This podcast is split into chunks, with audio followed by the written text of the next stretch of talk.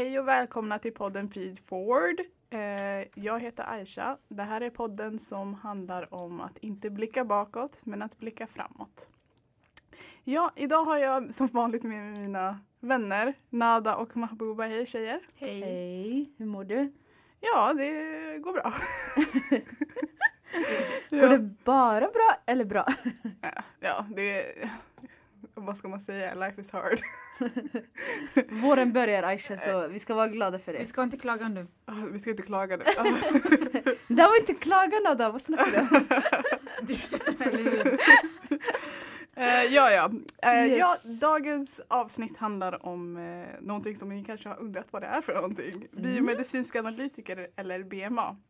Mm. Eh, ja, för att gå in på en liten generell eh, introduktion på vad, vad det är för någonting är det ett yrke, en yrkesgrupp eh, som är tidigare känd som laboratorieassistent eh, men har bytt namn sedan cirka två, början av 2000-talet till biomedicinsk analytiker på grund av att eh, laboratorieassistent låter inte så trevligt.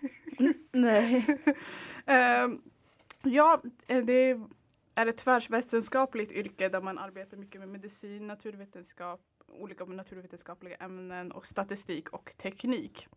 Eh, det är sjukvårdspersonal som analyserar eh, olika sjukdomstillstånd på mindre molekyler och ja, i större former också. Det var en väldigt konstig sammanfattning. Vänta, jag börjar om. Nej men visst är det så att det blev så här eh, legitimerat yrke också 2016? Nej, inte Eh, 16, 2006. 2006, förlåt 2006. Ja, ja. Att det blev, eh, ja, att det blev så här skyddat så att vem som helst kan inte kalla sig för biomedicinsk analytiker Eller utan ja, man måste ha legitimation, söka eh, hos Socialstyrelsen. Ja, precis. Det är jätteviktigt. Eh, för att, ja, Men är det Det- en eh, treårig utbildning eller fyraårig? det är en treårig högskoleutbildning eh, som finns på cirka 11 högskolor i Sverige. Eh, och ja, man måste gå ett program för att få en utbildning till skillnad från Mm. nationalekonomin där man kan läsa lite olika kurser. Nej, vi måste läsa alla ungefär samma kurser. Och sen får vi två eh, ex examen. En kandidat, kandidatexamen och eh, ett så yrkes så att du kan, bli, så du kan ta ut din eh, legitimation. Det här med kandidat så kan du läsa vidare till olika Ja. utbildningar. Men den här yrkes Men- som du sa, kan Ja. man ta ut sin yrkeslegitimation tidigare än tre år då eller? hur Nej. Nej, du måste ju ta Du tar examen. samma samtidigt. Ja men det är samtidigt, Ja. okej. Ja, men du har två olika typer av examen. En yrkesexamen och en kandidatexamen. Ja. Så det är liksom, du har två olika val om man säger så. Ja. Men inom BMA så har vi också två olika inriktningar. Vi har laboratoriemedicin och klinisk fysiologi. Så när man ska välja utbildningen är det viktigt att tänka på det. Att man väljer rätt. Om man vill ha ko- patientkontakt då ska man välja klinisk fysiologi.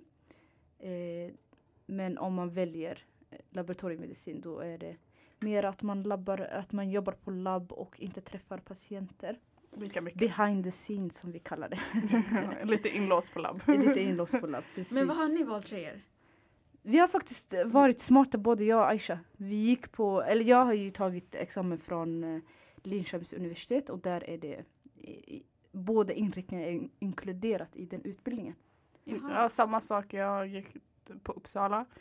Eh, och där är det samma sak. Man är generalist. Mm. Det finns inte två olika yrkeslegitimationer. Nej. Men vissa högskolor har valt att göra speciella inriktningar på grund av att eh, det är väldigt skilda ämnen som man, eh, som man håller på med. Till, eh, I klinisk fysiologi måste man kunna väldigt mycket om kroppen och kroppens sjukdomstillstånd. Eh, man tittar mycket i MR och eh, datortomografier för Mm. att se fysiska liksom, ska, skador på kroppen. Men på laboratoriemedicin så arbetar man som sagt med de minsta molekylerna på lägsta nivå för att kunna analysera sjukdomstillstånd på det sättet. Är båda inriktningarna lika svåra? Är, är den ena enklare än den andra? Alltså det är ju det, det är väldigt svårt att jämföra. Det är som att jämföra alltså, matte och svenska tycker jag. Är det så? Ja. För att med, kroppen är väldigt komplex. Ja. Jag personligen tror att eh, det beror på vad du är intresserad av. Om du är intresserad av liksom, patientkontakt så då tror jag att eh, liksom, det blir lätt för dig att plugga klinisk fysiologi Mm. för det Mm. är ju någonting som du är intresserad av. Men eh, jag tror också att det, alltså, det är intresse men båda är nog lika svåra skulle jag säga. Jo, Eh, de är svåra på olika sätt. Ja. Som sagt. Men om man väljer till exempel att eh, plugga här i Stockholm eller andra städer då kan det vara bara att det är en inriktning. Till exempel Jönköping, Stockholm så får man liksom välja. Man kanske går Mm. Tillsammans första året sen eh, brukar det vara så att man får välja en inriktning andra Ja. året. Ja, och Så- man kan byta mellan inriktningen om man känner att det inte passar än. Ja. Jag och Mahbubba har ju båda valt att jobba inom laboratoriemedicin även trots att vi kan jobba inom klinisk fysiologi. Kanske blir någon gång i framtiden Aisha eller? Vi får se. Ja. Vi får se. Ehm, ja men jag tyckte klinisk fysiologi var jätteintressant för att man alltså rent fysiskt kunde se eh, hur en patient var påverkad av Mm. olika sjukdomstillstånd. Till exempel gjorde vi mycket så här i skolan eh, lung, lungmätningar där man kunde se om patienter hade Spirometri. Ja, det heter spirometri Mm. Och vad är det?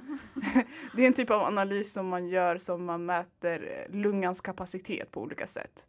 Eh, och på det sättet kan man se om patienter har till exempel astma eller om de har Mm. någonting som sitter Eller fast. Ja, KOL. Mm. Alltså det är någonting som har Mm. skadat lungan på något sätt. Mm. Eh, och Så- det är väldigt, väldigt intressant faktiskt. Väldigt Mm. intressant Ja, men det låter eh, analys. intressant. Ja. Faktiskt. Man kan ju också göra om, alltså inom, nu när vi är ändå inne på fysiologi, så kan man göra EKG, ultraljud, eh, man kan göra isotopundersökningar. Det är faktiskt väldigt intressant. Man får i sig eh, radioaktivt ämne i, Väldigt lite i mängd. väldigt lite mängd. Men du får det i blodkärl. Eller, ja. Och sen eh, går det in i kroppen och då kommer den liksom, om det är hjärtat man ska undersöka så använder, använder man eh, vissa typer av isotoper. Eh, och där kan man liksom se aktiviteten. Aha. Men eh, ni sa det är en treårig högskoleutbildning. Kan Mm. man läsa vidare till master och forska därefter också? Ja, det kan man faktiskt göra. Alltså, det finns möjligheter till en magisterexamen kan man ta eller masterexamen. Man kan också forska så att man kan ta en eh, doktorandexamen. Ja. Så det finns många. Mm. Det, finns också, eh, det finns en utbildning som är specifikt bara BMA kan gå om man säger så. Eh, och det är cytolog eh, vidareutbildning. Mm. Eh, och då läser man vidare, vidare sig för att kunna mäta alltså cancerceller på, på olika sätt i olika flytande vävnader, typ Mm. blod eller lymfvätska eller nå- olika saker. Eh, och det, det är faktiskt en specifik vidareutbildning som inte har som ingen annan kan läsa. Men sen finns det också andra vidareutbildningar som till exempel infektionsbiologi Mm. eller, Mm. eller Två år MR. på, ja, Eh, ja.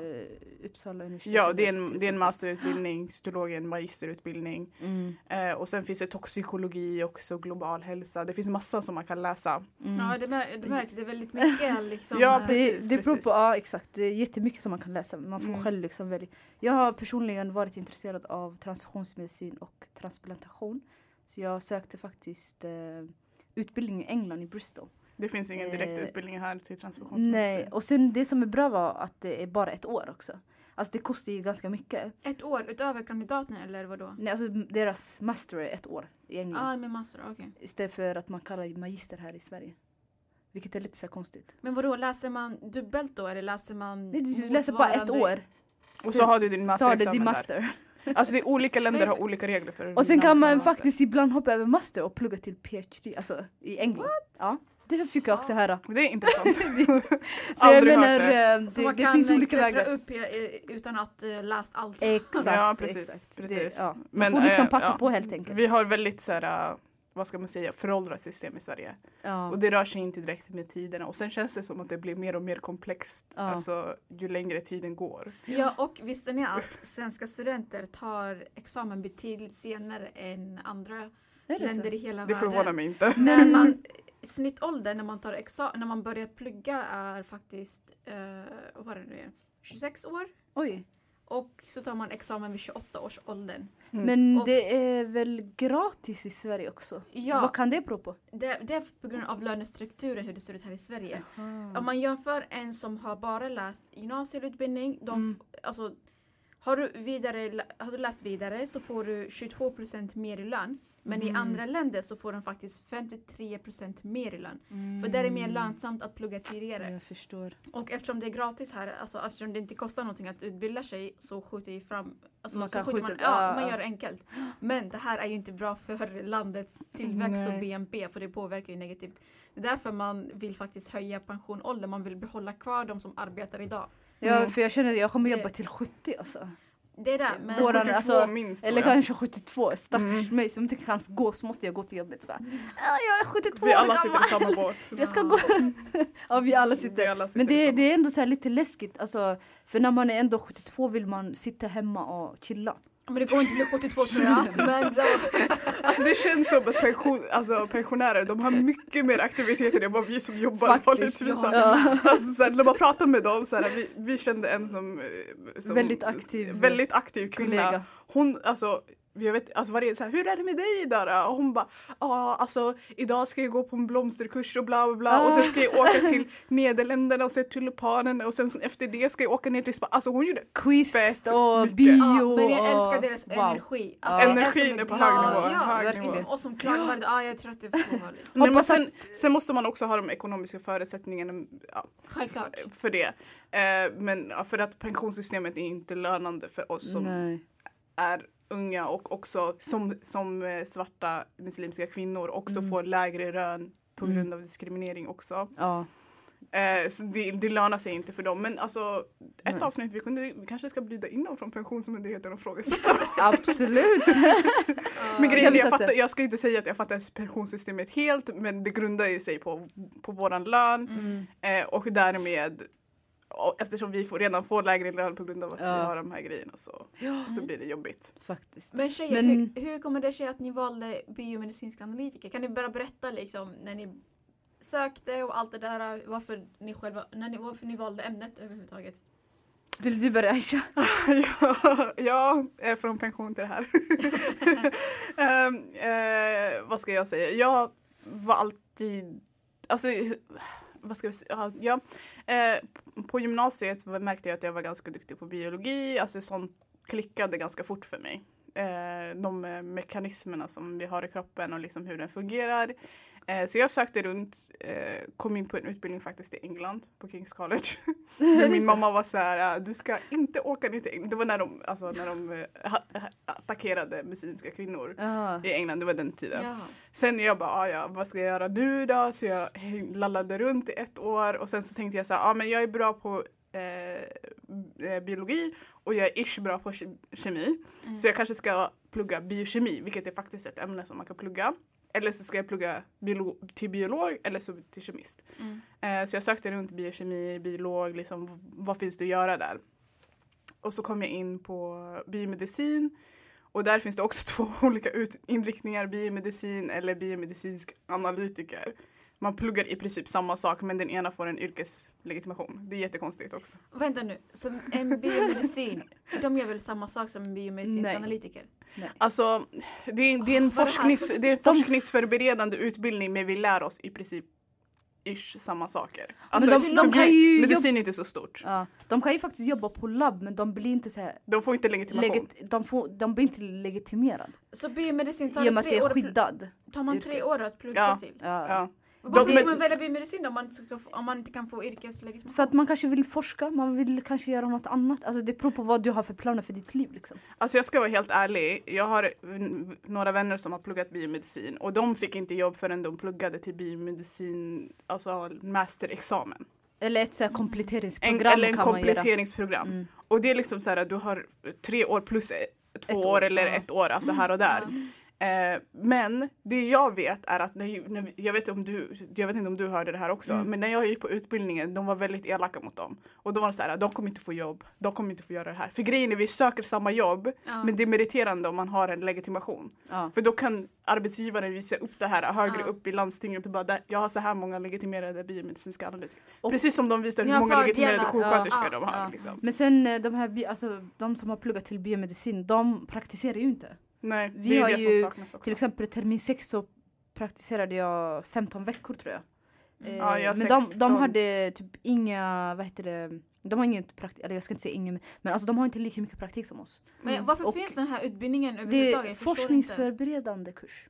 Kurs. Mm, eh, eller utbildning. Ja, utbildning. alltså det är det de säger. Det är forskningsförberedande. Jag vet inte så mycket om, om hela grejen, men jag vet att de saknade väldigt mycket praktiskt. Det var mycket teori i, de, i grundutbildningen. Mm. Eh, de tre första åren så var det väldigt mycket praktik, eller väldigt mycket teori menar jag. Mm.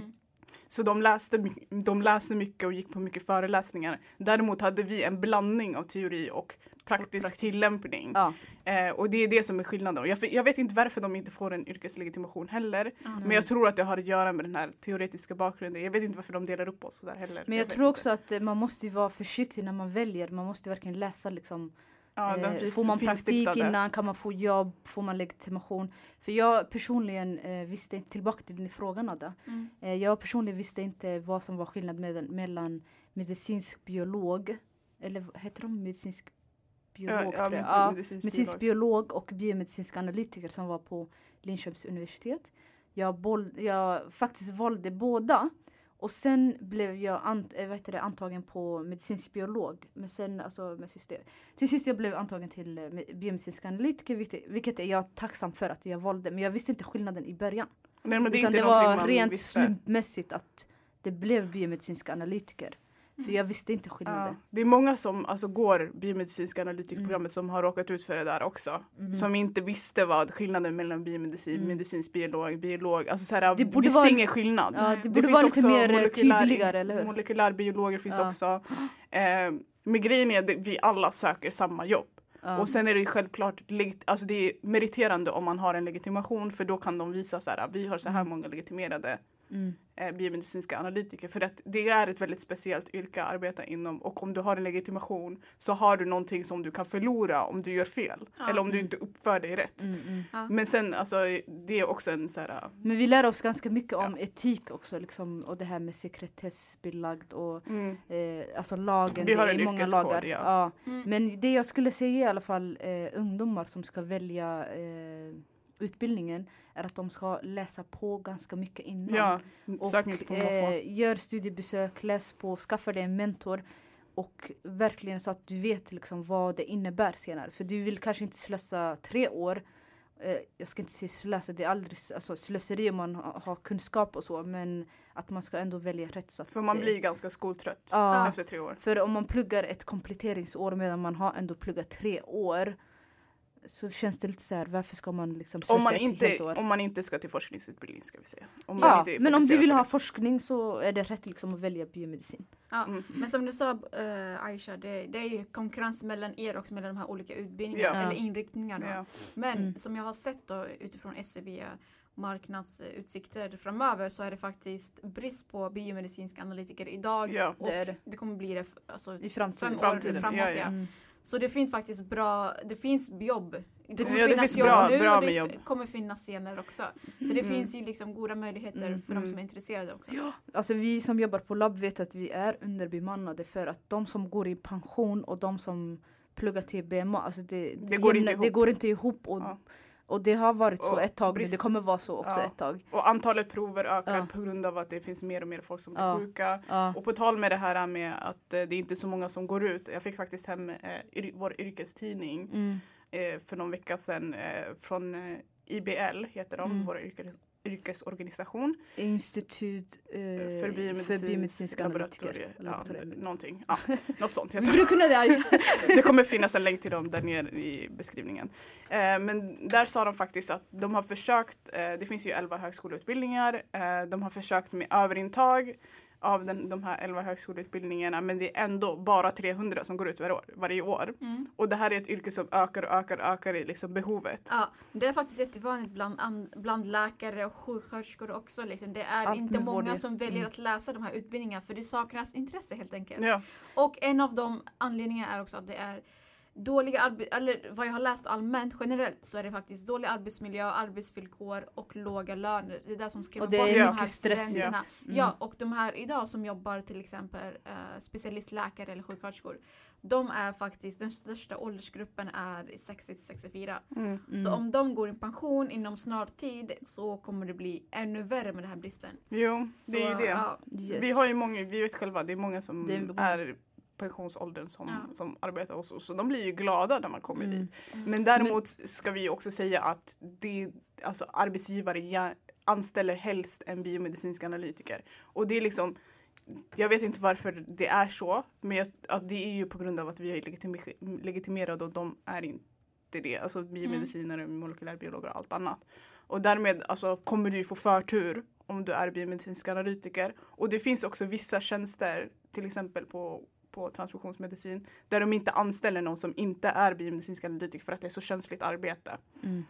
Så. Men det jag vill eh, bara säga är att ehm, att liksom alltså vi gör det här avsnittet för att lyfta upp yrket så att fler vet om det så att Mm. flera kan plugga eh, och också att liksom i och med att i framtiden det, det är väldigt brist på eh, biomedicinska analytiker. Ja. Men om vi går tillbaka till inriktningarna. Eh, både jag och Aisha jobbar på laboratoriemedicin. Mm. Eh, och Inom. Det, inom laboratoriemedicin. Sorry. eh, och det är ju faktiskt olika avdelningar som klinisk eh, mikrobiologi, transfusionsmedicin, immunologi, klinisk kemi, patologi och även genetik. Det är inom de här. Eh, jag personligen jobbar på transfusionsmedicin. Eh, och Aisha jobbar på Klinisk patologi och Ja. cytologi. och cytologi. Så vi tänkte nämna några i alla fall. Eh, Mm. Och Berätta lite berätta lite vad vi gör. Så att, Mm. eh, Ja men börja du Mahmoud, berätta lite om transfusionsmedicin. ska jag berätta? Mm. Ja, vi kallas för klinisk immunologi och transfusionsmedicin. Eh, KIT. KIT. Vi har förkortningar för allt. Exakt. Det kommer ni lära er. Det är faktiskt så här. Eh, det är prover. Eh, vi får prover från sjuka patienter, eh, gravida mam- eh, kvinnor och även blodgivare. Eh, det är de tre målgrupperna som vi har. Eh, det vi gör är att man eh, till exempel vi har pratat om ett avsnitt har vi eh, blod och organdonation. Så när en blodgivare donerar blod då blodgrupperar vi och eh, senare så eh, breder man de här blodkomponenterna och efter det så får patienter som behöver blod. Så det är en kedja som Mm, liksom precis. hänger ihop eh, om man säger så. Men jag personligen jobbar på immunhematologi. Eh, det vi gör är att vi eh, blodgrupperar där en patient eh, till exempel behöver blod. Och eh, det vi gör också är att vi kollar om det finns antikroppar. Eh, vilket vi kallar det på ett finare sätt erytrocyt antikroppsidentifiering eller undersökning. Och, eh, Och det, det innebär att man eh, testar efter eh, specifika molekyler som kan på något sätt eh, göra så att patienten inte kan ta emot blodet. ja, För- för, för de behöver ju blod av en anledning. ja, Mm. För som ni kanske vet så finns det olika blodgrupper. Det finns ju A-binalsystemet, sen finns det RH-systemet och det finns jättemånga andra system som vi Mm. kanske inte ska gå in nu. Men det vi... eh, Fyra, 500, hur- sist jag läste var det typ 500 eller? 500. 500 olika... Ja, blod, alltså, 4 till 500 alla är inte kan vi säga. alltså den viktigaste är AB0-systemet och sen RH-systemet och sen under det finns det också en klassificering. Mm. Men alla de är väldigt viktiga för att Mm. man inte ska reagera på det blod som man får. Mm. Ja, så det är det vi kollar. Så till exempel om vi ser vi får en patient så kollar vi A-binalsystemet. Vad har man för blodgrupp? Är det A, B, AB och 0? Mm. Eh, sen kollar vi RH. Eh, om, om du är A-positiv eller A-negativ till exempel. Eh, när man har gjort det så har vi databas som eh, man eh, sparar. Och sen eh, senare när man får eh, Senare till exempel när patienten behöver blod så beställer en läkare eller en sjuksköterska och då får vi något som kallas bastest, Mm. förenlighetsprövning inför transfusion och då eh, kontrollerar vi det blodgruppen som redan finns i datasystemet att det överensstämmer. När vi har gjort det och om allt är okej så kan vi ge blodet. Men annars så kan det bli att det går vidare till utredning där vi eh, utreder transfusions eh, komplikation ibland Ja. eller antikroppar.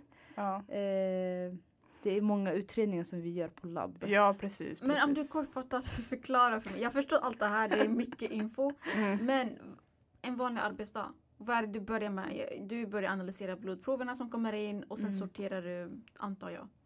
Ja, en, Ja, en arbetsdag. Det kan faktiskt bestå av, du vet om man kommer in så här på jobbet, morgon, man kanske eh, skickar transporter till olika andra sjukhus. Och sen gör man kontroller. Det är jätteviktigt med kvalitetskontroll på labb. Ja, Eh, vi gör dagliga Mm. kontroller. Vi gör även veckokontroll. Eh, det gör också Aisha Mm. och eh, även alla andra eh, ställen gör man också. Det är väl, väldigt viktigt. Eh, sen, eh, ja, så kan det spelas musik. Du vet när vi får beställning så spelas det musik. Så här, operamusik eller Klassisk musik. klassisk Typ musik. Mozart och Beethoven. Ja, och sen när vi har fått det, ja men det är en beställning så skriver du ut och sen kollar du, aha, när är beställningen till? Eh, vilken avdelning har beställt? Vad är det för patient? Ibland är det från hematologen och då är det en patient som kanske har, eh, som går igenom cancerbehandling, som har Mm. Dålig immunförsvar, en patient som är transplanterad. Eh, det kan vara en mamma som eh, föder barn, kejsarsnitt, planerad, oplanerad. Eh, det som är ibland stressigt är när det är oplanerade saker som händer. Till Mm. exempel kejsarsnitt som inte är eh, planerad, mamma, en mamma som blöder jättemycket, då beställer de blod. De beställer något som kallas eh, traumapack. Det består av fyra påsar röda blodkroppar, fyra påsar plasma och en, en påse trombocyt. Och när de gör det så måste vi liksom reservera det jättesnabbt och sen skicka det via rörpost. Vi har något som kallas rörpost. Vad är det då? Eh, där vi lägger Alltså, in en påse, en patron. Alltså vi måste, jag får ta en bild Patron, känner jag jag. fattar inte. Är det rör eller vadå? Jag får alltså- ta en bild och lägga ska det på Insta så kan ni kolla. För det det är jättesvårt att förklara men det, det är något som kallas för patron. Vi lägger in blodpåsarna i en påse och sen skickar vi till olika avdelningar. Jag får kanske filma eller ta en bild så lägger jag upp det. Gör det det. blir jättesvårt att förklara Men ändå. det, är, det är ett system för att skicka prover Det är därför och, vi har eh, Instagram. blodprodukter väldigt fort. Ja, Ja. Men, man sen får ja. avdelningen eh, det blodet och sen ger de till patienten. Eh, och ibland kan det också gälla eh, blåljus. Till exempel om det är Ersta sjukhus, det är en patient som bl- blöder där, då eh, ringer de och säger blåljus, de vill ha blåljus och då beställer vi. Det innebär att transport, transportören kör väldigt fort med blåljus och det är en läkare som måste godkänna att vi får beställa transporten Mm. och det ska gå väldigt fort, alltså det är på liv och död. Mm. Och det är sådana här stressiga situationer som kan uppstå. Men det finns ju också, man får ju eh, själv liksom tänka på eh, inom de här stressiga situationerna. Man får lära känna sin kropp. Liksom. Är jag stressad? För om din puls ökar och då kan du få den här tunnelseende. Mm. Så det vill man inte för då kanske du kan ta fel blodgrupp eller någonting som är fel. Så även om det är på liv och död så är det jätteviktigt att du inte är stressad. Liksom, så att du, lugnet. att du håller lugnet, du delegerar, du ber om hjälp. Mm. Det är ändå så här teamwork på arbetet. Ja men det, det är viktigt, jag Ja. Ja. Men önskade du att du jobbade mer med patienter? För du sitter ju nu på, på labb, Labb. och analyserar blodprover Mm. som du sa. Men hade du vel, velat liksom, träffa patienter mer? Eller? Ja, faktiskt. Alltså det jag egentligen ville plugga till när jag var liten var ju läkare. Jag ville ha den här patientkontakten. Eh, hjälpa personer är så här, någonting som jag gillar att göra. Men sen att träffa patienter, det var så här, någonting som var eh, Någonting som jag ville göra i alla fall. Ja. Det är därför jag sökte efter, eh, eller inom, när jag pluggade fortfarande så sökte jag sommarjobb på primärvården. Eh, där träffar man mycket patienter. Mm. Eh, du, alltså man jobbar på vårdcentral, eh, du tar blodprover, så analyserar du på labb. Eh, men sen, jag, jobb, jag jobbade faktiskt två somrar där. Men sen tänkte jag, jag är ändå intresserad av transfusionsmedicin. Så. Det är väldigt speciellt transfusionsmedicin för att det är eh, mycket är fokuserat på att eh, bevara patientens hälsa. Så allting ska vara spår, väldigt, väldigt spårbart. Det är det ju vanligtvis också. Mm. Men det är en väldigt lång kedja. Det går från att vara eh, i patient, i, i blodgivaren till att vara i patienten och stegen mellan det kan ta upp till en vecka. Eh, och det är liksom massa, massa tester man gör och man måste kunna lita på blodgivarna som vi har sagt i Precis. tidigare avsnitt. Mm. Eh, och sen på, la- på labb också, ifall att man får tunnelseende så finns det väldigt många spärrar som man måste gå igenom. Ja, det, Eh, de är viktiga. De är väldigt, väldigt viktiga eh, för att jag vet själv, jag, jag har jobbat inom transfusionsmedicin som sagt, jag fick tunnelseende, alltså så här, när det är väldigt, Mm. väldigt stora beställningar. Mm. På pass- alltså för det, grejen är, det är någonting som är väldigt viktigt, det, det är ett akut en akut, verksamhet. Mm. Eh, och den är öppen 24 timmar om Och dygnet. ja. Det finns speciell nattpersonal och sen så jobbar man helger och kvällar och allt möjligt. Ensam jobbar man också. Ja. Som till exempel jag ska ju gå på jobbet nu efter och då kommer jag jobba ensam. Mm. Vad som helst kan hända. Alltså det kan vara, Ja. det kan hända liksom att det är kat, kat, katastrofa, Katastroflarm. katastroflarm också. Men vad Till händer om du exempel behöver det här hjälp då, eh, till exempel det här då, dådet som hände i Drottninggatan. Mm. Eh, var det 2017? 18. 2017? 18. 17? Jag minns att jag skulle ta examen då. 17, April. Var det 17? 17? Ja, det måste vara det. Vi kan Ja, ja. kolla upp det. Men det jag känns tror det som var det var igår i och för 2017. sig. Ja, då var det liksom eh, till exempel om någonting sånt händer så och, om, man, om man jobbar ensam då får man liksom ringa till, eh, vad heter det, eh, till eh, chefen så får hon eh, eh, Mm. skicka in folk helt Mm. enkelt. Men eh, Det man finns får, beredskap. det olika finns typer bered- av beredskap. Ja, man får ringa till jourläkaren också. Mm, Eh, mm. Så det, fin- det finns jättemycket alltså, beredskap och mycket Man hur man kan beredd. lösa. Ja. Ja. Och sen man har, när det är sånt där katastroflarm, om du skulle vara hemma då Mm. Och du, då har du inte arbetsvägran. Det är Nej. någonting som också är väldigt speciellt inom... Man kan beordra, chefen kan beordra. Ja, då måste du komma in även om Mm. du har någonting annat som du håller på med. Eh, och då åker du in till närmsta arbetsplats. Mm. Eh, på, här i Stockholm finns det ju på flera olika ställen. Så Visst är om du är på norr så kanske du hamnar på Solna sjukhus. Eller eh, Solna sjukhus, jag menar Danderyd, na- eller? Nya Karolinska. Mm. Ja. Ja, eh, eller så om, du- om du bor på röda linjen så kanske du hamnar i Danderyd även fast du jobbar på, på något annat sjukhus på andra sidan stan. Liksom. Söder, Södersjukhuset, så finns det väl Huddinge också. Huddinge också i så söder. alla de där fyra kan man hamna. man kan Även hamna i om man Norrtälje om man bor närmare det hållet. Alltså Mm. det, Eller Södertälje finns det också. ja, precis. Mm. Ja, intressant. Men vad är det du jobbar med då Aisha? Ja, Eh, det, min, den avdelning jag jobbar på heter klinisk patologi och cytologi. Mm. Ehm, och det är en avdelning för att ta hand om fasta vävnader och organ. Ehm, och till viss del eh, flytande organ och vävnader också.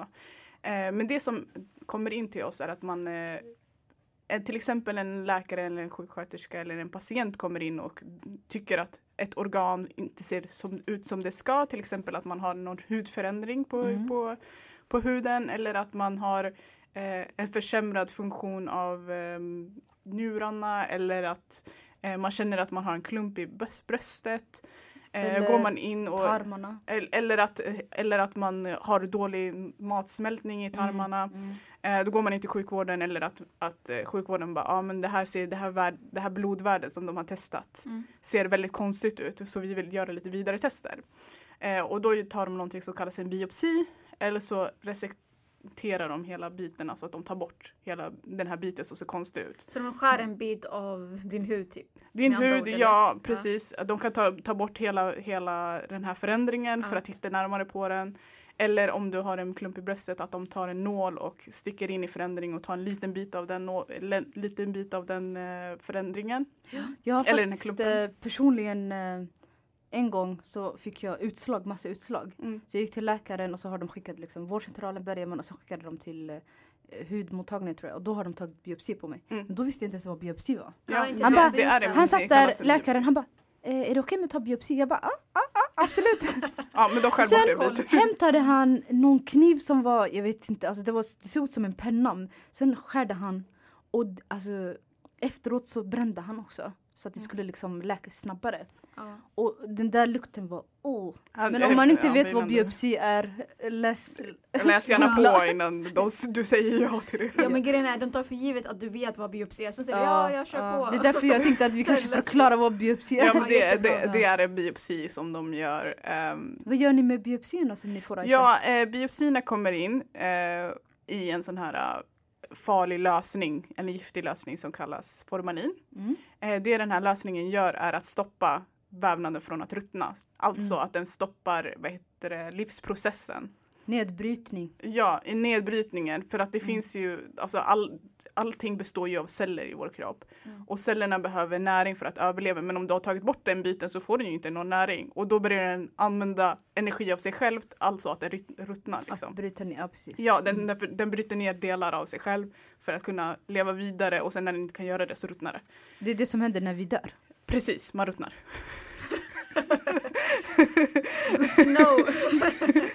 Om ni inte visste det, nu, vis, nu vet ni Nu det. vet ni det. när kroppen inte har, när vi har dött, då börjar vi Ja, liksom brytas ner helt enkelt. Ja, men det är väldigt, väldigt speciell lösning för att den är också cancerogen. Mm. Eh, alltså att den kan orsaka cancer om man utsätts för för mycket. Mm. Eh, så ja, det kommer i en sån där lösning. Eh, och eh, det vi gör då är att vi tar ut vävnaden och lägger ner det i en, eh, i, ett, i en liten burk och sen kör det ett dehydreringsprogram. Och suger, det man gör då är att man suger ut allt vatten ur den här lilla biten. Eh, för alla celler består av vatten. Det kan vara 70 också, procent. ja, 70 procent av Mm. eh, kroppen består av vatten och alla, Mm. det är på grund av alla celler som har, innehåller vatten. Mm. Eh, och man tar bort all vatten från det här programmet genom olika steg av starkare och starkare alkohol.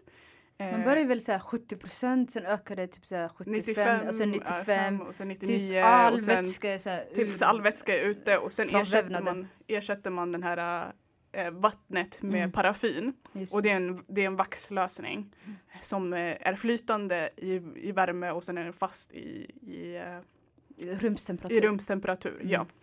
Den stelnar. Eh, och det här gör man för att man ska kunna senare skära i vävnaden så att det är alltså jätte, jättetunna så det är som så här fyra my små. Alltså de är, de är typ så här en tusen, nej, en tiotusen del av en centimeter. Alltså de är väldigt, väldigt små. Aish, Du kanske kan göra en video så kan vi lägga upp det på internet. ja, eh, det är en väldigt speciell process för man, man sitter där med sin lilla vävnad så man kan faktiskt se med fysiska ögon till skillnad från till exempel klinisk kemi, man ser inte vad man gör där. Mm. Eh, och skär ner den i tunna snitt eh, och sen färgar man in det här. Mm. Och då kan man se alla celler i mikroskop. Eh, så kan patologerna senare, patologer är specialistläkare, Mm. överläkare inom ja, vävnads och histologi. Eh, och de sitter då och tittar på det här och sen kan de bedöma vilken typ av cancer du har eller Mm. vilken typ av, eh, om du har glutenintolerans eller inte eller om du har eh, eksem eller om det är, eller om det kanske är en allergisk reaktion. Alltså de kan se allt sånt där i mikroskop. Mm. Och det, vi ska inte gå in på det, det är en väldigt lång process. Ja. Eh, men ja. ja, men det är väldigt eh, intressant. Så ja, de, tittar, de sitter och tittar i mikroskop. Men hela den här processen kan ta upp till en Ja. två Mm. veckor. Mm. För man kan ju väl se liksom i det här Det lät så lätt så jag trodde ah, men två, två arbetsdagar räcker. Eh, Nej. nej, alltså den delen som vi gör, ehm, det kanske tar tre, fyra dagar. Eh, på grund av att saker måste stå ganska länge. Ja, det Hela här- dehydrering och ja, det tar väldigt lång tid. snittning och allt det där tar ju tid. Det tar väldigt lång Mm. tid. Men det som är intressant är när läkarna kollar så kan de ju liksom kolla faktiskt eh, på cellnivå liksom. Så att de ser ju som Aisha sa, om det är liksom normala celler då behöver inte patienten få någon behandling eller så. Mm. Eh, för det är det, är det som är alltså underlag för Mm. behandlingen också senare. Eh, Men om man ser att det cancerceller som börjar Ja. växa så kan man också se hur stor är det. För till exempel om man skär en till exempel bröst. Alltså, när jag praktiserade faktiskt på patologen så minns jag att det var en hel bröst på, på bordet och då vet man också, är det på vänster sida eller på höger sida, är det mitt i? Så att man vet vart den ligger någonstans. Alltså, så en hel bröst, vadå Jo. en hel? att man har skärt hela. Man gör av. det? Ja, Alltså, därför jag bara kände... Det som vi ska säga är att alltså, det, en patient när de, har, när de har gjort en sån här äh, provtagning i en klump och sen har patologen konstaterat att det är cancer eh, så brukar de oftast Göra operation. Ja, göra en operation. Man brukar prata med patienten om, vi, om det är för de tar ut små bitar åt taget Ja. först. Eh, och de pratar med patienten om det är så att vi kommer en viss nivå över, vill du att vi tar bort hela bröstet? Okej, Mm. Och det är, så, alltså det är så det går till. Ja. Ibland säger patienten redan direkt från början bara ta bort hela. Ja, Jag vill inte ju ha ändå liksom För grejen är bröst, brö, bröst och eh, eh, liksom prostata, alltså det som Mm. män har, är väldigt speciellt på grund av att det ligger väldigt nära lymfkörtlar. Mm. Eh, alltså kan det sprida sig väldigt enkelt till resten av kroppen. Mm. Mm. Och det är, väl, det, det är just det, det är därför man måste vara väldigt aggressiv i Och behandling av sen- bröstcancer. Ja. Och sen ligger det nära till eh, eh, också ben. För Ja. om det sprider sig till ben, Då är det också ett problem. Alltså man kan ju inte typ skära bort benet. Förstår du? Jag menar, det är enklare att skära bort en vävnad än ben. Eller, alltså, Mm. ja. Så, Och bencancer är väldigt, väldigt svårbehandlat. ja. så Och- man måste ja. kunna, eh, just det, det jag var inne på, att man måste liksom kunna orientera sig också.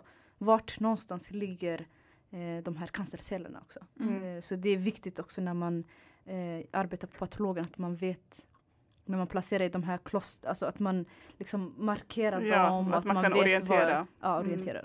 Och det, det är mycket så här, handlar om att göra rätt i, i de stegen som BMA håller på med. Vi tittar just nu inte i mikroskop. Det är Mm. någonting som har försvunnit på grund av att ja, det finns mer och mer patologer som kan sitta och göra det. Och det, Okej. Mm. det själva liksom eh, allt annat hanterande är väldigt speciellt för biomedicinska analytiker yrket. Mm. Eh, och därmed så, så är det viktigt att vi håller, för vi har väldigt stark yrkesetik och väldigt stark yrkeskod och det är väldigt rätt, alltså Mm. man, man ska kunna säga att nu har jag gjort någonting som är fel, hur kan vi stoppa så att det här Ja. inte sker igen? Precis. Och vi har väldigt många kontroller, sådana där Mm. kontroller på oss själva. Vi har, Man har- avvikelse som vi skriver hela tiden för att liksom kunna förbättra. För om jag gör ett misstag, då, eh, om jag skriver avvikelse och vi tar upp det på APT-möte eller något sånt, då behöver inte Aisha göra om det. Förstår du vad jag menar? Ja, vi lär oss Då av har vi, hon lärt sig av eh, mina mis misstag och du, jag lär mig av hennes och tidigares. Mm. Så Ja. vi, vi skriver hela tiden så här kval, eh, vad heter det, Avvikelse. avvikelse. Och det är Och- därför vi har kontroller också för Ja. att eh, veta att, att våra lösningar eller våra eh, analyser visar det de ska. Ja. För eh, speciellt inom patologi så färgar man in olika vävnader med olika typer av färger Mm. och då kan man se hur cellkärnan ser ut eller hur, hur cellkanten ser ut. Eller, och det, och det, om det inte funkar som det ska, då kan det färga in fel eller färga in för lite och då måste man ha kontroller på det hela. Ja, och sen kan patienten få eh, felaktig behandling efteråt. Ja. Det, kan, eh, alltså, det kan hända Ja. ganska mycket. Men Mm det är också inte bara patienter som är beroende av våra analyser, att det ska vara rätt, utan det är domstol, det är ehm, till Andra exempel berörda det är aktörer. andra Ja, alltså, berörda berörd- aktörer så att det är liksom, Ja. det är jätteviktigt. Patientsäkerheten är, är jätte, Ja. alltså i vårt yrke är det jätte, Mm. jättehög. Det är det största fokuset vi har Mm. på grund av att vi vet att 70% av alla diagnoser ställs på grund av en, diagnos, en analys gjord av en BMA. Precis. Ja, alltså kan du förstå? jätteintressant. 70 procent. Ja, Det, är, det är typ allting nästan. Ja. Men Jag, ty- jag skulle säga mer faktiskt. Ja, jag vet. ärlig. Men ändå 70 procent, det är så här. Det är av väldigt högt. alla du vet, läkare, sjuksköterskor. Om de inte liksom har ett provsvar så kan de inte ta beslut. Mm. Så Ja. vi, vi är ju ändå, det är, Och det är väldigt- livsviktigt yrke. Ja, det är väldigt Ja. snabbt rörande yrke. Ni har, Mm. jätte, alltså, ni har ett jätteviktigt jobb och ni gör massor. För mig låter det här som att ni är redan läkare. typ, Med andra ord. Nej, kan vi faktiskt är... ganska mycket. Vi är inte det här. Nej men alltså ni kan faktiskt ganska mycket och ni förklarar alla de här delarna, vad som händer och hur ni går tillväga och vad de andra gör också. Mm. Det är väldigt sammanhängande och det är liksom ja, men stort Mm. samarbete mellan med Men sen andra finns det- eh, grupper. Sen finns det eh, klinisk kemi, så finns det klinisk eh, mikrobiologi också. Ja, Eh, så, Så vi kan ju ta många. lite av det, eller lite snabbt eller vi vill inte gå in så Eh, här Nej, för vi, djupt. vi är inte direkt experter på, på klinisk eh, kemi eller klinisk mikrobiologi ska vi inte säga. Vi har Så, bara praktiserat. men eh, vi, vi kanske ska ha en gäst som jobbar inom de grejerna som kanske kan berätta lite mer om vad Ja, de gör det om låter dagarna. faktiskt Mm. eh, bra. Så Om ni, om ni är en biomedicinsk analytiker Så kan vi ta del två. så- Ja, del två. BMA del två. Vi kanske har- kan ha nationell ekonomi del två också. Ja, det är inte rättvist annars. Allt ska vara rättvist. Ja. Ja. Ja, men Eh. då tar vi dem eh, ett annat tillfälle. Då. Ja, eh, men eh, om ni undrar någonting om något specifikt yrke eller något specifik, någon specifik arbetsplats så är ni jättevälkomna att ställa in frågor till oss. Eh, men annars tänkte vi faktiskt gå in på ett relevant ämne. Yes! Coronavirus va? ja. Coronavirus. Ja, Jag vet att Nada har Vet ställt ni- många frågor om det där till oss och vi bara Vad ska vi säga om det här? Jag kan ju fråga Ja. orelevant fråga faktiskt. Eh, vet ni namnet var det kommer ifrån? Corona. Nej faktiskt. Jag vet Det är en stjärna. Stjärna från vad? Alltså vadå? Vem kom på det namnet? Nej alltså det är, Alltså- stjärna. det är eh, döpt efter en stjärna. någonting som man lär, lär känna i biologi, alltså saker har ingen betydelse. Namn har ingen betydelse, det är bara närmsta person som stod bredvid dem när de hittade den där bakterien eller en stjärna som de tyckte ser fin ut. Alltså det, är så här, det finns ingen betydelse. Men vem bestämde att den ska heta Corona? Det är, är det. Kina eller? Nej, nej, nej. Gre- Här ska vi säga. Eh, coronavirus är en grupp av virus. Det är inte ett specifikt virus och det, den har ett specifikt namn, den här som sprider sig nu. Ja. Den har ett spe- specifikt namn, men coronavirus är inte det vetenskapliga namnet. Det är en grupp av virus som heter det. Eh, jag vet att, jag tror svininfluensa var också ett coronavirus. Ja, jag tror det. Mm, det. Det vet jag inte. Jag ska, inte, jag ska inte säga det för tydligt men eh, det finns en grupp av virus som heter coronavirus och de finns, vi har, alltså det som är speciellt med virus är att eh, vi människor har ett speciellt coronavirus som eh, påverkar oss. Eh, och sen har andra djur corona, coronavirus som påverkar dem. Eh, och det som har hänt nu är att coronavirus eh, från eh, fladdermöss, de har typ fyra eller fem olika coronavirus fladdermöss. Mm. Och de har gått över väldigt enkelt till att kunna smitta människor och det är därför vetenskapliga världen är i panik. För att det brukar inte gå så fort. Nej. Det ska inte gå så fort heller. Det finns väldigt, väldigt många eh, genetiska steg som ett virus eller en bakterie måste gå för att kunna smitta människor. Mm. Och det är därför vetenskapliga världen är lite såhär wow, what Men is det har gått on? också väldigt fort, alltså från Kina och sen bara Italien, nu är det Sverige redan, 11 Alltså fall. det, det förvånar mig inte. häromdagen. Ja, det, det går för att- väldigt fort men det är för att liksom. allt är integrerat. Liksom. Ja, vi och flyger här. och, och ja. Mm. Men det här med fladdermöss, eh, när jag läste det på nyheterna jag bara Vem äter fladdermöss? Hur fan smakar det ens? Men vi ska alltså, okej Jag vi ska inte gå in på det, men jag bara fick det tanken. Men folk Men alltså, äter ju olika det är så- saker. Ja men alltså det som folk Fladdermöss. säger, men det som folk säger som äter så här konstiga saker, de bara det smakar kyckling. Har ni inte hört det? Exakt! De Nej, bara jag- jag äter, jag äter krokodil men det smakar kyckling, jag äter orm men det smakar kyckling, jag bara det smakar alltid kyckling. Eh, sköldpadda har jag också hört talas om att man äter. Ja men, Ja det, men det smakar också kyckling tydligen. Ja, ja, men det där är okej men fladdermöss var en helt annan nivå. Sköldpadda är okej Nej för men okej Nada. vi ska Ja säga, men inte fladdermöss, Men snälla. vänta, är sköldpadda okej? Det är okej för Okej, det, jag där kan går s- min gräns. Ja, Nej, alltså Jag kan olika... se lite kött i det men fladdermöss det finns det är bara ben nej, alltså man man måste ta sönder det där. nej alltså jag kan inte, jag får, jag får panik. Men vi ska säga så här äh, att äh, vi äter ju kamel, de äter inte kamel där borta, de har fladdermöss. Vi, ska, vi, har, vi äter ju också komage, det kanske inte de, alltså jag vet inte, vi ska inte säga någonting Det om alla är kulturer. Alltså jag tänker det är kött, så länge det är kött det är fine. Nej men alltså jag Ben- tänker de bor ute i djungeln. Finns det djungel i Kina? I don't know. Okej vi går tillbaka Vi går- till ämnet. Men vi går tillbaka till eh, coronavirus då. Ja, Alltså, ja. Så jag tror du sa nämnde Aisha att det indelas i tre subgrupper eller? Ja, det finns många Alfa, olika. beta och gamma. Ja, nej jag sa, inte- jag sa inte det men jag sa att det finns, det finns, det är en grupp av virus som kallas coronavirus. Ja. Eh. Men jag tror också att det, det liknar liksom, alltså symptom och så, det liknar lite såhär sars också. Ja, Men, det är eh, en, sys- jag tror att det är en systergrupp till sars-viruset och det var därför också man hade panik för sars-viruset är ganska jobbigt Ja. att bli av med. Men det här med smitt, alltså spridningsvägar, hur smittar man? Är det droppsmitta? Är det, för folk måste veta liksom hur de kan skydda sig. Ehm, jag skulle säga, eh, eh, jag vet inte hur jag skulle Det är svara allt på det. faktiskt som jag har läst. Det, är liksom, det räcker Det är med inte via nysning. luften. Det, det, det räcker med en nysning eller Ja. sånt liksom på en till Men det är inte luftburet. Det är inte luftburet, nej. Ibland det vet det. folk tänker att det är luftburet men det är inte det. Utan Nej. om någon kanske har så här, nyst och om man tillbringar den här personen alltså, inom eh, så här, 15 minuter Mm. eh, och du får liksom partiklar genom eh, näsan eller munnen i dig. Då kan du, eh, då kan du bli smittad. Mm. Men eh, Sen ska vi säga så det är här. jätteviktigt.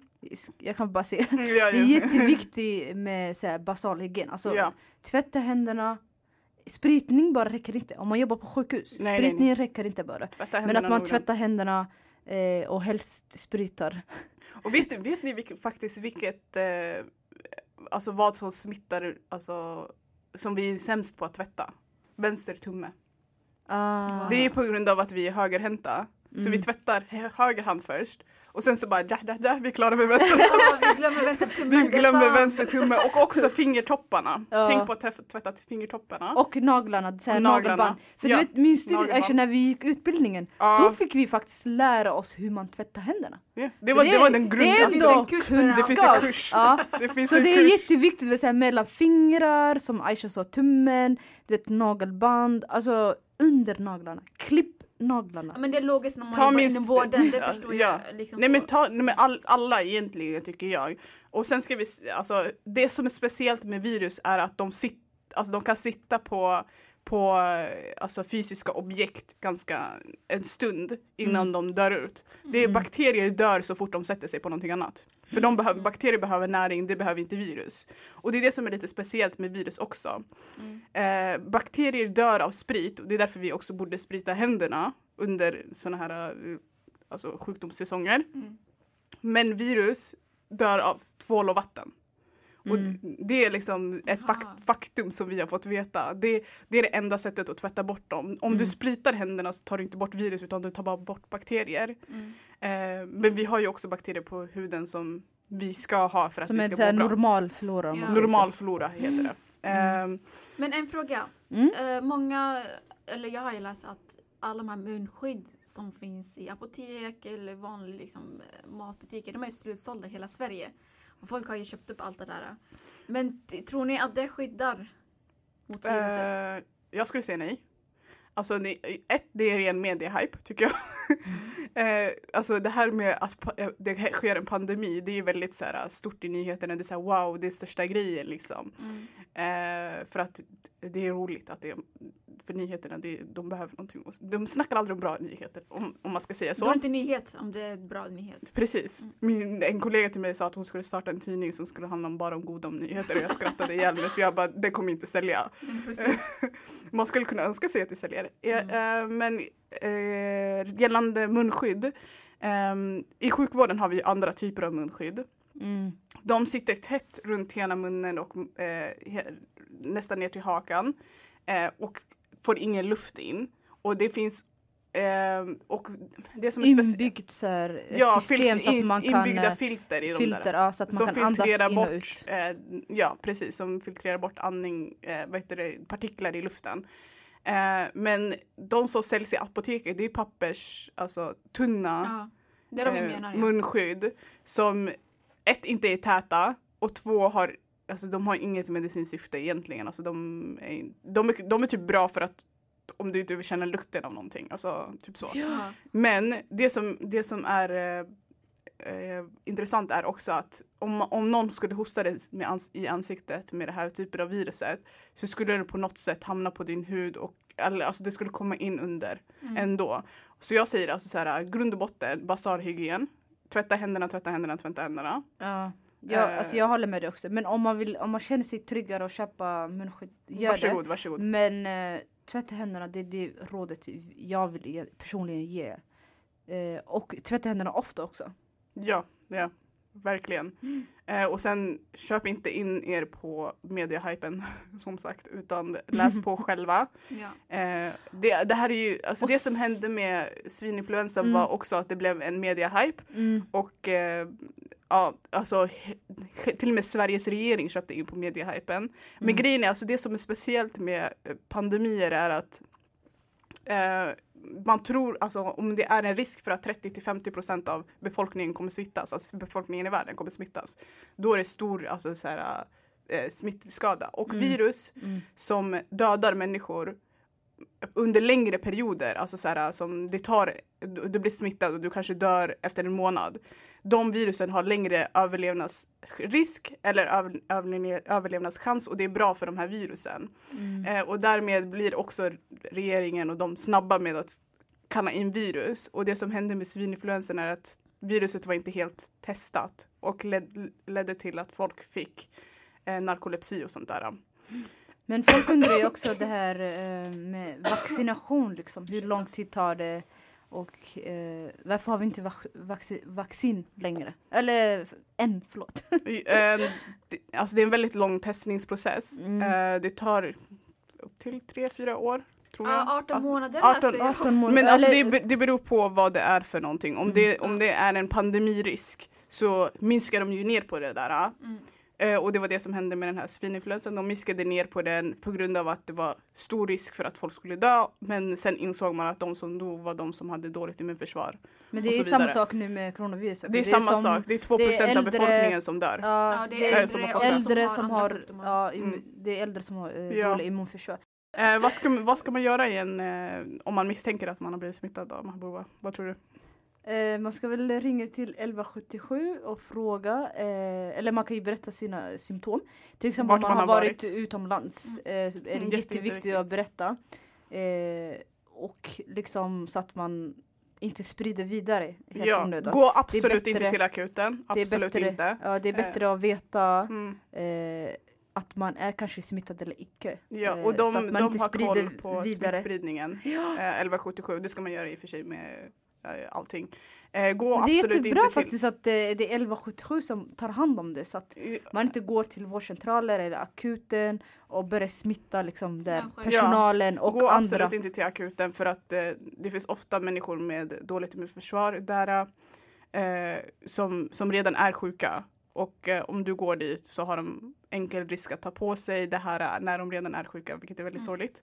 Och om du jobbar på ålderhem om man säger så. Tänk Mm. på att du är jätteförsiktig. Om du känner några symptom, ring. För Ja, äldre har inte eh, Ja. lika bra immunförsvar. ja. Ska vi runda av Stanna, här? ja. Det enda vi säger är stanna hemma om ni känner er sjuka. Och Ja, eh, det här var eh, BMA-avsnittet då, som vi Och kallar del det. två får vi eh, Planera bjuda in om, planera om ni in har några specifika frågor eller vill höra om eh, någon specifik typ av analys eh, så kommer vi bjuda in gäster till det. Om ni kanske känner någon som vi borde bjuda in, skriv gärna in det till oss. Eh, annars så tackar vi för oss idag. Eh, det var ett väldigt Mm. trevligt avsnitt. Vad tycker ni tjejer? Jätteintressant, faktiskt. Jag har lärt mig ganska mycket nu så jag kan gå själv nu och testa, uh, flasha till mina kollegor imorgon. För oss var det bra också Mm. fräscha upp minnet faktiskt. Och, eh, jag tycker det var bra. Ja, Eh. man grävde lite i hur utbildningen var och lite sådär. Som sagt hoppas ni har lärt er någonting från det här avsnittet och att eh, ni som ska välja utbildning vet vad ni ska göra. Och att det finns två olika inriktningar som sagt. Så läs på. Det finns på eh, universitetssidor finns det mer info. Eh, och om du googlar så kan du se också. Ja. Och eh, till nästa gång vill vi uppmana er att eh, ta allting med en nypa salt. Läs gärna på själva. Eh, innan ni väljer utbildning och Mm. också innan ni köper in i hysterin gällande pandemier. Mm. vill vi säga. Ja men tack för idag. Tack så mycket, Tack, ha en tack. trevlig dag.